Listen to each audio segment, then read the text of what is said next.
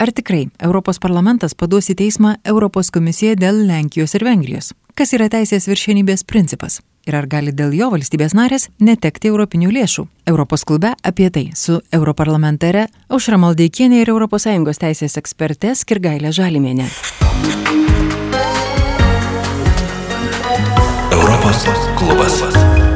Praėjusią savaitę Europos parlamente vyko įdomi diskusija. Europos parlamentas ketina paduoti į teismą Europos komisiją. Tokius grasinimus iššaukė tai, kad Europos komisija nereaguoja į teisės viršenybės principo pažeidimus kai kuriuose ES šalyse, konkrečiau Lenkijoje ir Vengrijoje. Ant ribos yra ir daugiau valstybių narių, tačiau didžiausi priekaištai yra būtent šioms. Europos parlamento pirmininkas įpareigotas per dvi savaitės paraginti komisiją vykdyti reglamentą dėl ES lėšų ribojimo teisės viršenybės principą pažeidžiančioms šalims. Prieš priešingu atveju parlamentas nedelsdamas turi pradėti būtiną pasirengimą galimam teismo procesui prieš komisiją. Pažymima praėjusią savaitę didžiulę daugumą priimtoje rezoliucijoje apie susiklosčiusią situaciją kalbėjome su europarlamentare ekonomikos ir pinigų politikos komiteto nare aušra maldeikiene diskusijos europos parlamente irgi na karštos visokių tų nuomonių aišku dauguma vis tiek toks galbūt ta pozicija aiškesnė bet bet tikrai yra ir prieštaraujančių ir kad negali europa aiškint mums kaip mums kaip viduj kaip šaly tvarkytis. Jūsų požiūris kaip tas e, vyksta? Na visada atsiras tokių žmonių kurie paims pinigus pasirašys dokumentą kad jie sutinka su su žaidimo taisyklėm o po to pasakys, kad mano taisyklės yra aukščiau. Nu, tikrųjų taisyklių. Tai čia yra tokia gana, nu, politinė dilema, gana aiški. Problema yra, sakyčiau, gana paprasta. Tie, kurie pasirašo stojimo sutartį, jie pasirašo, kad teisės viršenybės principas, žmogaus teisės, visų asmenų lygybės principai ir taip toliau yra nu, šventi šitoj sąjungoje. Vadinasi, prieš stodami jau jie žaidžia uh, na, veidmainišką mažų mažiausiai žaidimą, nes jie ruošiasi nesilaikyti tų principų, su kuriais sutinka. Tada kila klausimas vienintelis, kodėl jie ten eina. Na, tai visiškai aišku, kad jie eina gauti pinigų. ES nėra apie Karbauskių žemės, bendrąją žemės ūkio politiką, Karbauskių pinigus ar dar ten galimybės nusukti. Mesgi puikiai žinom, kad ir Lietuvoje yra labai daug tokių verslų, kurie pasima Mm, europinę paramą ir po to pasistato savo namus, pasirašo, kad, pasirašo, kad turės kažkokią turizmo nu, vietą, o po to už daug, daug tūkstančių ten daro vieną kartą per metus renginuko, po to ir tą metą daryti. Na, tai paprasčiausiai yra vagys. Tai va tas teisės viršenybės principo reikalavimas, kurį pradėjo deklaruoti ir labai griežtai reikalauti jo, tas iš pradžių parlamentas ir komisija tam tikrą formą, jis iš tikrųjų, man atrodo, tiesiog atskleidžia keletą dalykų, ar mes norime visi būti kartu ir ar mes esame pakankamai padorus. Tai yra. Nes tos pinigus kitos šalis, ypatingai tokiom šalims, kurios gyvena kitų sąskaitą, mes kol kas tikrai esame ta šalis, įmokėdami vieną eurą mes gauname atgal keturis, tai yra plus trys nuo vieno euro. Tai mes iš tikrųjų, jeigu mes nesilaikome to ar nesilaikytumėm to principo, tų tos pagarbos tiems reikalavimams, na, tai iš tikrųjų mes tiesiog pasidemonstruotumėm, kad esame na, žmonės, kuriais negalima pasitikėti, ar valstybė, kurią negalima pasitikėti. Dabar kokiose šalyse kyla daugiausia problemų, ten, kur yra autoritariniai režimai, pirmiausia Vengrija, kurie akivaizdžiai suka su Turkija ir Rusija ir Kinija, ten, kur į tą pusę, kur reikia. Dabar kodėl nieko nesimama? Pagrindinis dalykas yra principas, kuris yra suvestas Ir čia yra jau ne, ne parlamento ir ne Europos komisijos problema, o didžia dalim e, Europos tarybos problema. Nu to, ką Lietuvoje vadina Europos, vad, Europos vadovų taryba, taip, kur ponas Nausėda sėdi, prezidentas. Tai iš tikrųjų nu, labai graudu, bet Lietuva e, turi tarsi šiuo metu dvi pozicijas, nes vyriausybė, e, aiškiai, šimonytės vyriausybė aiškiai ir kategoriškai pasisako už teisės viršinybės principą ir tą vienareikšmiškai deklaruoja, kaip ir visos pagrindinės europinės partijos. Tai yra liaudės partijos vieniančios krikdemus ir nu, centristinius konservatorius, e, socdemus ir e, liberalus, Europoje tai vadinasi renijų, na ir žaliuosius. Taip. Bet, pavyzdžiui, valstybės prezidentas, na, jis visokių tokių keistų išlygų turi, kada eina kalba apie Lenkiją ir taip toliau. Lenkijos atveju problemos irgi yra labai nemenkos. Tai kol kas yra nutartas, kad sieti va tą nesilaikymą nesilaikote e, tos teisės viršenybės principų, neturite nepriklausomų teismų, kurie gali patikrinti, kam atiteko pinigai, ar jie teisingai atiteko, neturite nepriklausomų tyrimo agentūrų, kurios stebi procesus, visų pirmiausia, aišku, nepriklausomų teismų, kad jie būtų. Tai tada ta šalis negali pretenduoti Europinę paramą. Tai jie vienu metu nori ir daryti, ką nori, ir gautos pinigus, ir su jais daryti, ką nori. Tai manau, kad Manau, kad, pavyzdžiui, ir Lietuvoje tas klausimas turėtų labai aktualizuotis vien todėl, kad jis turėtų būti vienareikšmiškai priimtas. Iš dalies aš turiu tokią stiprią nuojautą, kad net ir ginčiai dėl dalyvavimo Europos vadovų tarybai turi tokį labai savotišką pamatą. Ir tas, tai vis visiškai aiškiai, kad dalyvauja Europos vadovų tarybose tas asmuo, prezidentas dabar, kuris ir pasisako prieš tai, ką daro vyriausybė ir dažnai net ir informacijos neteikia vyriausybė, kiek aš žinau, nes nu, tiesiog reikia pradėti aiškintis ir supranti, kad jis ten pasėdi ir, ta, ir nedaro. Tai mes turime didelę problemą ir ta problema gali aštrėti. O ar tokio dalyko reikia, nereikia, na tai paklauskite savęs, jeigu jūs sudarote sutartį, duodat kam nors pinigų, esant tam tikrom sąlygom, o po to tas tų sąlygų nevykdo, jums patiks, man ne. Pati Europos taryba ir paprašė tos išlygos, ar ne? Viena vertus iš pradžių sutiko, viskas kaip ir buvo aptarta, tada galiausiai paprašė išlygos ir apskritai matot, teismuose ir dabar kaip. Matot, pro, proble, problema yra ta, kad, e, kad yra tam tikras, nu, iš tikrųjų tam tikras dviprasmiškumas. Iš vienos pusės yra aiškios stojimo sutartys, kurios mus padaro tų pačių vertybių lauku. Taip?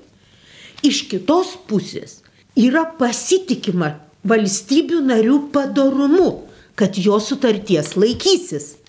Bet valstybėse narėse yra žmonių, kurie žiūrėdami į akis, pavyzdžiui, kaip Lietuvos prezidentas pastaruoju metu, net ne, nepasako, ką jis daro. Jis ramiai nueina vieną dieną, sako, kad jis remia LGBT bendruomenę, prieš rinkimus jis žadėjo ženkliukais įsekti, dabar jis jau aiškina, neaišku, ką ir eina paremti Orlausko su visais jo anegdotais. Tai lygiai ta pati situacija yra vis, visame, nu, visame regione.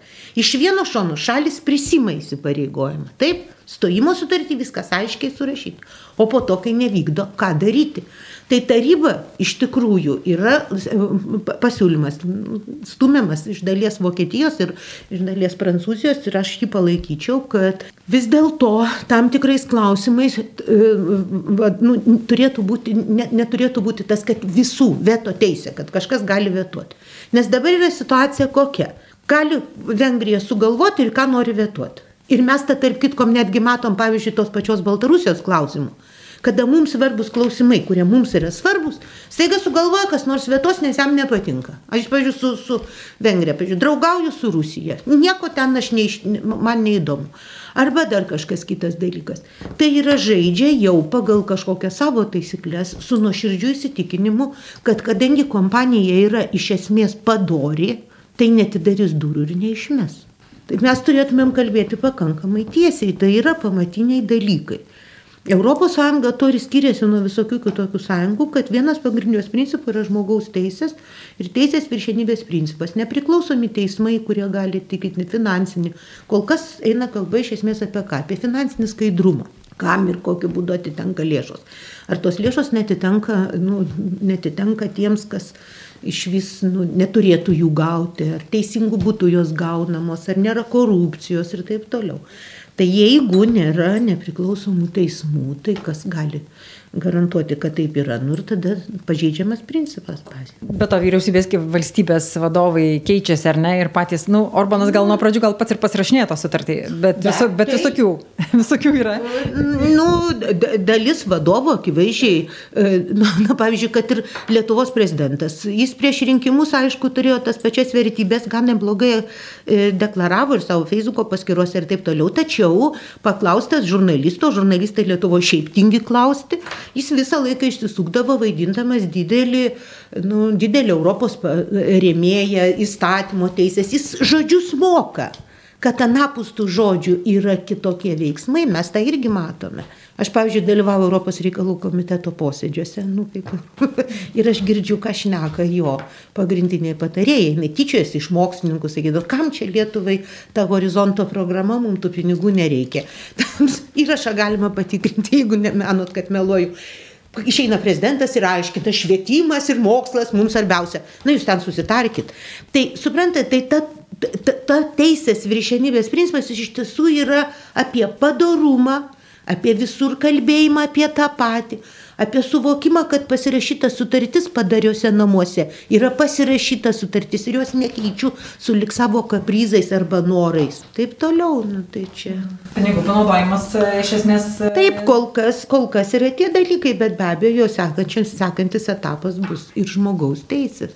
Tai, kad mes Lietuvoje ignoruojame daugybę žmonių teises, nematome neįgaliųjų teisų, žiauriai daug pažeidimų nematome e, e, elementariai Stambulo konvencija, kas tai yra paprasčiausias, doku, paprasčiausias valstybės pasižadėjimas. Konvencija iš vis yra tam tikras specifinis dokumentas. Tai pasižadėjimas, kad bus visais būdais teikiama pagalba tiems, kurie patiria smurtą.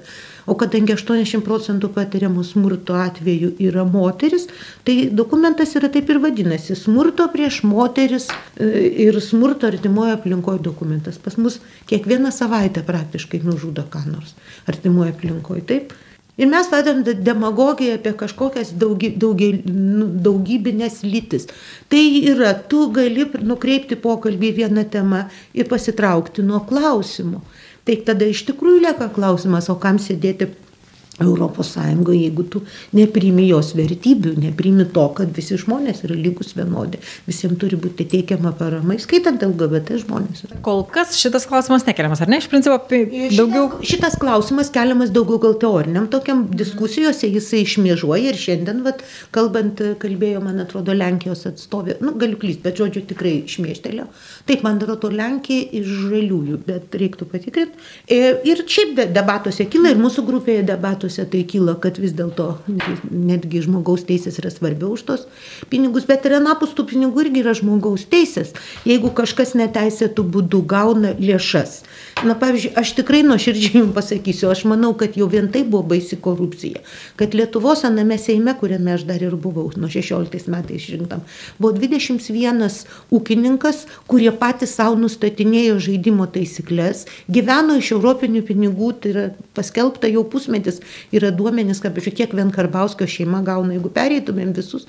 Ir jie nustatinė taisyklės, kaip jiems tos pinigus mokės. Ir niekas į tai nereagavo. Tai yra daugybę kartų buvo bandoma aiškintis. Aš ir, ir pati kalbėjau. Aš sakiau, gerai, paimkite mane į kaimo reikalų komitetą. Ne, manęs ten nepriemė. Kodėl yra tokia svarbi tam pačiam teisės viršenybės principai ir netgi ir finansiniuose dalykuose, va aš tą praleidau, yra spaudos laisvės dalykas, kad spauda turėtų prieigą prie šaltinių, kad galėtų tikrinti, kas gauna paramą, kad galėtų kreiptis į visus nu, tai teismus ir kad jai būtų sudaryta sąlyga stebėti, kur europiniai pinigai eina. Nu, nepaprastai svarbi teisė. Bet ją galima nerealizuoti Lietuvoje, pavyzdžiui, jinai paprasčiausiai jinai yra, bet jinai yra gana formali. Europos klubui sakė europarlamentarė Užramaldyk Maldeikienė. Šių metų pradžioje kartu su septynmečiu biudžetu įsigaliojo reglamentas, kuriuo Europos komisija įpareigota imtis veiksmų, įskaitant ES lėšų skirimo sustabdymą, jei kuri nors šalis nesilaiko teisinės valstybės principų ir dėl to kyla grėsmė patikimam ES lėšų valdymui. Komisija turėjo parengti konkrečias taisyklės, kaip taikomos sankcijos iki birželio, tačiau to nepadarė. Ir anot europarlamentarų tai pakankamas pagrindas imtis teisinių veiksmų prieš komisiją. Komisija raginama naudotis visomis turimomis priemonėmis, įskaitant procedūrą dėl narystės ES sustabdymo, kad užkirstų kelią demokratijos principų ir pagrindinių teisų pažeidimams es, įskaitant išpolius prie žiniasklaidą, asociacijų bei susirinkimų laisvę. Su ES teisės ekspertai ir Lietuvos vyriausiojo administracinio teismo pirmininko pavaduotojas Kirgailė Žalimė aiškinamės, kas tas teisės viršenybės principas ir ką reikia padaryti, kad valstybė būtų laikoma jį pažeidusi. Teisės viršenybės principo nesilaikysiančios valstybės e, jau nuo šių metų rizikuoja netekti ES lėšų. Įtvirtinti tai sugebėta kartu su septynmečiu biudžetu, bet dabar atėjus reikalui gyvendinti, jau viskas nebe taip paprastai ir atrodo. Ir e, Lenkija ir Vengrija, tarkim, yra pateikę skundą ES e, teisingumo teismui dėl viso bendrijos biudžeto mechanizmo, kuris susiję išmokas su, su teisės viršienybės principu. Ir, na, pirmiausia, gal apskritai paaiškinkit pačią savoką, nes ką jį reiškia. Tai teisės viršenybės principas, tai iš tikrųjų matyt reiškia tai, kad e, teisės normų turėtų būti laikomasi. Ir jeigu mes šiandieną kalbame apie ES teisę ir apie, tarkim, Lietuvos ar kitų ES valstybių narių dalyvavimą ES veikloje, tai mes kalbam apie tai, kad kiekviena valstybė narė turėtų laikytis ES teisės nuostatų ir tai, kas iš tiesų yra įtvirtinta tose nuostatose. Ir pagrindiniai principai tai būtų na, teisinės valstybės principas, žmogaus teisų lygmuo e, na, ir vis, visais kitas ES teisynas. Iš tiesų, jeigu kalbam apie Lietuvą, tai Lietuvoje tai, kad turėtų būti laikomas ES teisės nuostatų dar įtvirtinta 2004 metais konstitucinėme akte dėl Lietuvos Respublikos narystės ES. Na ir ten būtent yra numatyta, kad ES teisės normos yra sudėdamoji Lietuvos Respublikos teisinės sistemos dalis. Taip pat yra numatyta, kad kai kurios nuostatos ES e, teisės bus taikomos teismuose tiesiogiai ir turės tiesioginį efektą. Todėl yra labai svarbu, kad teismai E, teisėjai taikytų ES teisę ir užtikrintų e, tame tarpe ir Lietuvos Respublikos piliečiam tas teisės, kurios yra tvirtintos ES teisėje. Tai nėra savitikslis dalykas, nes e, tai yra labai svarbu kiekvienam žmogui, ar net ES teisės viršenybė arba teisės viršenybė. Šiandieną mes gal daugiau matyt kalbame, kadangi tokios aktualios apie ES teisės viršenybę na, iš tikrųjų tai yra kiekvieno e, piliečio interesas ir kiekvienas pilietis turėtų būti suinteresuotas tuo, kad teismas nagrinėjantis jo bylą taikytų visą teisę, kuri yra susijusi su jo reikalu, jo reikalą reglamentuoja, reguliuoja ir kad nebūtų užmiršti tam tikri dalykai. Tai tokia teisės viršinybės principo esmė. Na, iš tikrųjų, teisės viršinybės e, principas yra labai susijęs su teismų nepriklausomu. Vienas iš jo sudėtinių dalių yra teismų nepriklausomumas. Ir vat jūs irgi paminėjote ir Lenkijos atveju, ir Vengrijos, tai prieš Lenkiją yra labai daug bylų šiandieną ES teisingumo teisme. Ir pagrindinė ir pretenzija ir pagrindinis klausimas yra keliamas toks, ar Lenkija šiandieną laikosi tos teisinės valstybės principo ir jinai na, šiandieną tikrai e, tokius principus išpažįsta, su kuriais ir jie į ES stodama, nes matot, kiekviena e, valstybė e, stodama į ES būtinoji narystės sąlyga yra laikymasis teisinės valstybės principo.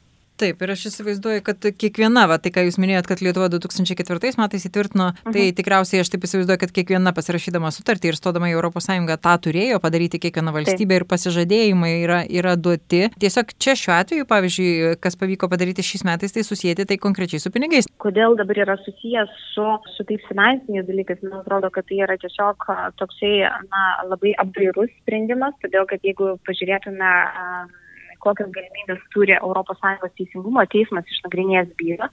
Tai jeigu yra tiesioginis ieškinys iškeliamas prieš valstybę, tarkim Lenkiją, tai šiuo atveju teismas, ES teisingumo teismas priimta, priima pirmą kartą dažniausiai tik na, konstatuojamo tokio deklaratyvaus pobūdžio sprendimą, e, tokį, tokį ženklą valstybei, kad, e, na, iš tikrųjų, kad jinai pažeidinėja ES teisę ir kad duodamas tam tikras laikas, e, na, protingas, per protingą laiką valstybė turėtų tuos m, pašalinti dalykus. Bet iš tikrųjų, jeigu valstybė, na, turi kitą požiūrį, jeigu jinai turi kitą požiūrį, kad jinai nepažeidinė ES teisės, jeigu jinai nenori ir ne, iš tiesų mes Lenkijoje, tarkim, turim su teismais, su teismų nepriklausomumo principu, tai na, pradedant nuo 19 metais ES teisingumo teismas priėmė prejudicinį sprendimą, būtent dėl teisėjų irgi nepriklausomumo, susijęs su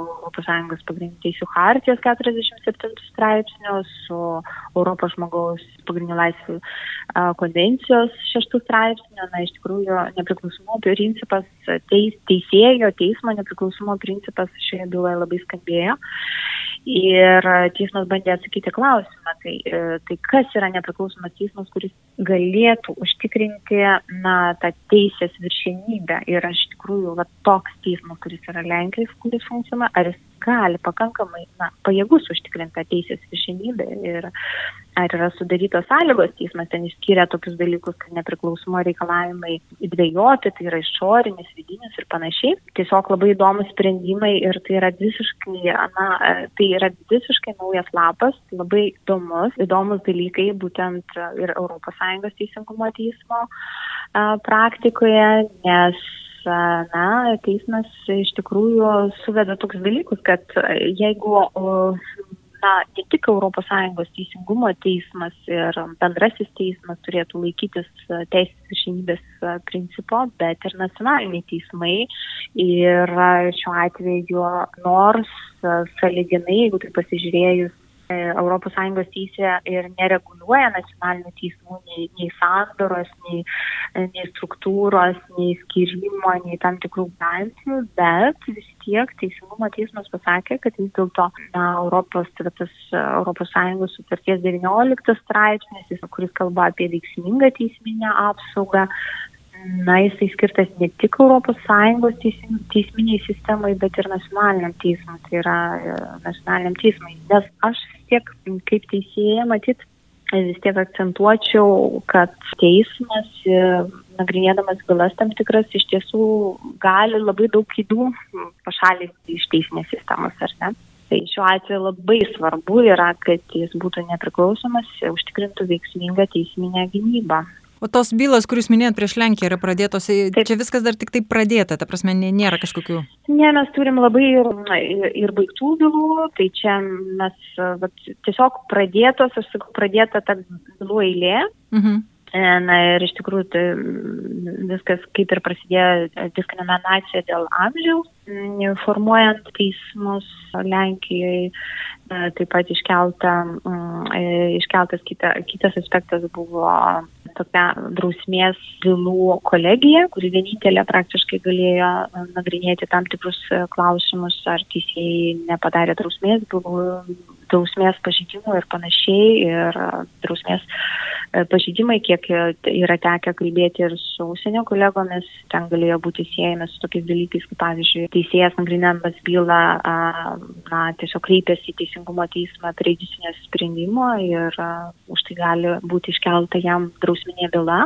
Tai tokie dalykai. Tai, Už tai, kad jis kreipėsi. Taip, todėl, kad jis kreipėsi, tai pagal vis dėlto ES teisę teisėjas turėtų būti visiškai laisvas teisėjas, nagrinėdamas bylą ar teisėjų kolegija, jeigu teisėjų kolegija nagrinėja bylą, turėtų būti visiškai laisvas taikyti ES teisę ir užtikrinti jos viršinybę. Tai ar taip yra Lenkijoje, aš negalėčiau spręsti, bet, bet tie klausimai, tų gausa tų klausimų teisingumo teisme vis dėlto leidžia tuo abejoti. O kaip, sakykite, Lietuva atrodo šitoje vietoje ir, sakykime, ką mes turėtume, ką turi padaryti valstybė, kad teisės viršinybės principas būtų laikomas pažeista. Ar, pavyzdžiui, tokie atvejai kaip, na ir pas mus, sakykime, jeigu kažkas skustusi, pavyzdžiui, dėl žmogaus teisų pažydimo, dėl to, kad ir mhm. partnerystės įstatymo neprieimimas arba, ta prasme, neužtikrinimas tam tikrų sąlygų. Ar tai irgi yra, na, kelias link to? Na, aš dar norėčiau atkreipdėmėsi į, į, į tokį aspektą, kad vis dėlto valstybės, nors stodamas Europos Sąjungą, jas į daugelį dalykų įsipareigoja laikytis Sąjungos teisės ir panašiai, e, bet vis dėlto mes turim tokią nuostatą Sąjungos sutarties ketvirtame straipsnėje, kuris teigia, kad sąjunga gerbė valstybių narių lygybę prieš sutartis bei nacionalinį jų savitumą, e, kuris yra neatsiejamas nuo, aš čia tiesiog cituoju, neatsiejamas nuo pagrindinių politinių ir konstitucinių struktūrų, įskaitant regioninę vietos e, savivaldą ir panašiai. Tai um, tas nacionalinis savitumas, tapatumas, kaip mes jį pavadintume, tai reiškia yra tam tikri nacionaliniai aspektai, e, kuriuos valstybė gali iškelti aukščiau ES teisės ir tiesiog na, rezervuotai žiūrėti tam tikrose srityse ir ES teisė. Tai yra, na, iš tikrųjų labai sudėtingas, tiesiog vyksta ir diskursas, mokslinis diskursas, tiesiog ir, ir nėra tokio bendro sutarimo, kokie tai savitumai galėtų būti, bet pagal teisingumo teismo praktiką mes matom, tai galėtų būti tam tikri reikšmingiausi elementai to, tai būtent pagrindinės politinės, konstitucinės institucijos, tai kaip pavyzdžiai galėtų būti kalba, tas pats požiūris į, į šeimą, tas pats požiūris į kalbos vartojimai. Nežinau, jeigu žiūrint iš teisingumo teismo praktikos, tai ne visose bylose, na, iš tikrųjų teismas na, leidžia irgi pasilikti tam tikras preferencijas, nacionalinės konstitucinės, sakyčiau, preferencijas, kurios yra labai svarbios tai valstybei. Bet Teisingumo teismas e, iš tiesų, na pavyzdžiui, 2011 e, metais komisija prieš Luxemburgą, ten jo kalba apie na, vietos kalbos, valstybės kalbos liuksemburgiečių vartojimą. Na ir, ir, ir teismas pasakė taip, na, na jūs turite galimybę tokią daryti, tai mes e, Lietuvoje taip pat turim Runevič Vardin bylą, kurioje taip pat teisingumo teismas iš esmės pasakė, kad kalbos rašmenų, lietuvių kalbos vartojimas yra nacionalinis prioritetas, kurį gali valstybė iškelti aukščiau už tam tikrus kitus dalykus. Tai, čia, čia mes kalbam apie tas, apie tas dvigubas V ir taip toliau kitą rašybą. Taip. Mhm. Taip, taip. Tai, tai matot, kaip pasakyti, nėra tokio labai tiesaus atsakymo. Tai ir, ir aš manau, ir Lenkų, ir teisininkai, jie taip pat šitą kortą žaidžia, ta prasme, kad jie sako, kad tai yra mūsų nacionalinis tapatumas. Mes taip įsivaizduojam teismus, jie taip vyksta ir tai mūsų nacionalinis tapatumas. Tai mhm. šiuo atveju jų yra toksai požiūris ir jie gina savo poziciją ir šiuo atveju, na, tam tikros konstitucinės preferencijos, matyt, galima kalbėti, kad jos kiekviena valstybė galėtų kažkokių turėti, tarkim, Lietuva dėl šeimos ir panašiai. Tai e, nesprendžiu dėl pačio turinio, aš kalbu apie pač, patį principą, ar ne, kalbu apie tą patį principą, kad valstybė galėtų sakyti, kad mes, mums tai yra būdinga, mes visuomet darėm, tokios pozicijos visą laiką laikėmės ir Tai neturėtų būti kažkoks naujas ar ribojimas ar nauja samprata atėjus iš kažkur, tai bet jeigu, jeigu valstybė tai yra būdinga, ne, tai tiesiog jinai gali tą preferenciją pasilikti. Iš kitos pusės mes galime prisiminti ir mūsų konstitucinio teismo poziciją, kuris taip pat na, savo praktikoje pažymė, kad vis dėlto na, yra nekarta pažymėjęs, kad vis dėlto ES teisės viršienybė, taip mes pripažįstame išskyrus pačią konstituciją vėl galim kalbėti apie tai, kaip, kaip tai atitinka ES teisės viršienybės principą. Iš kitos pusės, e, žiūrint į konstitucinę teismo, konstitucinę, reiškia, jurisprudenciją, mes matom, kad, na, iš tikrųjų yra gerbiama ES teisė ir e, konstitucija, galima sakyti, aiškinama atsižvelgiant į ES teisės prioritetus. Sugrįžtant jeigu prie to biudžeto, kadangi tai yra iš principo ir susitarimas dabartinis, tai nėra tik tai pasirašant sutartį, tai ir valstybės narės galų galia ES taryba patvirtino tą, tą biudžetą ir tą principą teisės viršenybės, kad e, jo laikantis, ta prasme, jo nesilaikanti gali būti sankcijos priimamos ir panašiai, tikėtina, kad na, tai, tai gali tapti e, precedentu ir, ir sakykime, na, priversti šalis laikytis kažkokios drausmės ir kažkokių įsipareigojimų. Na taip, aš manau, kad taip. Ir, iš tikrųjų, aš manau, kad ES tai, tai nėra labai nauja, naujiena ES e, politikoje. Aš manyčiau, kad e, na, tam tikrų principų laikymas yra siemas su ekonominėmis gerovėmis.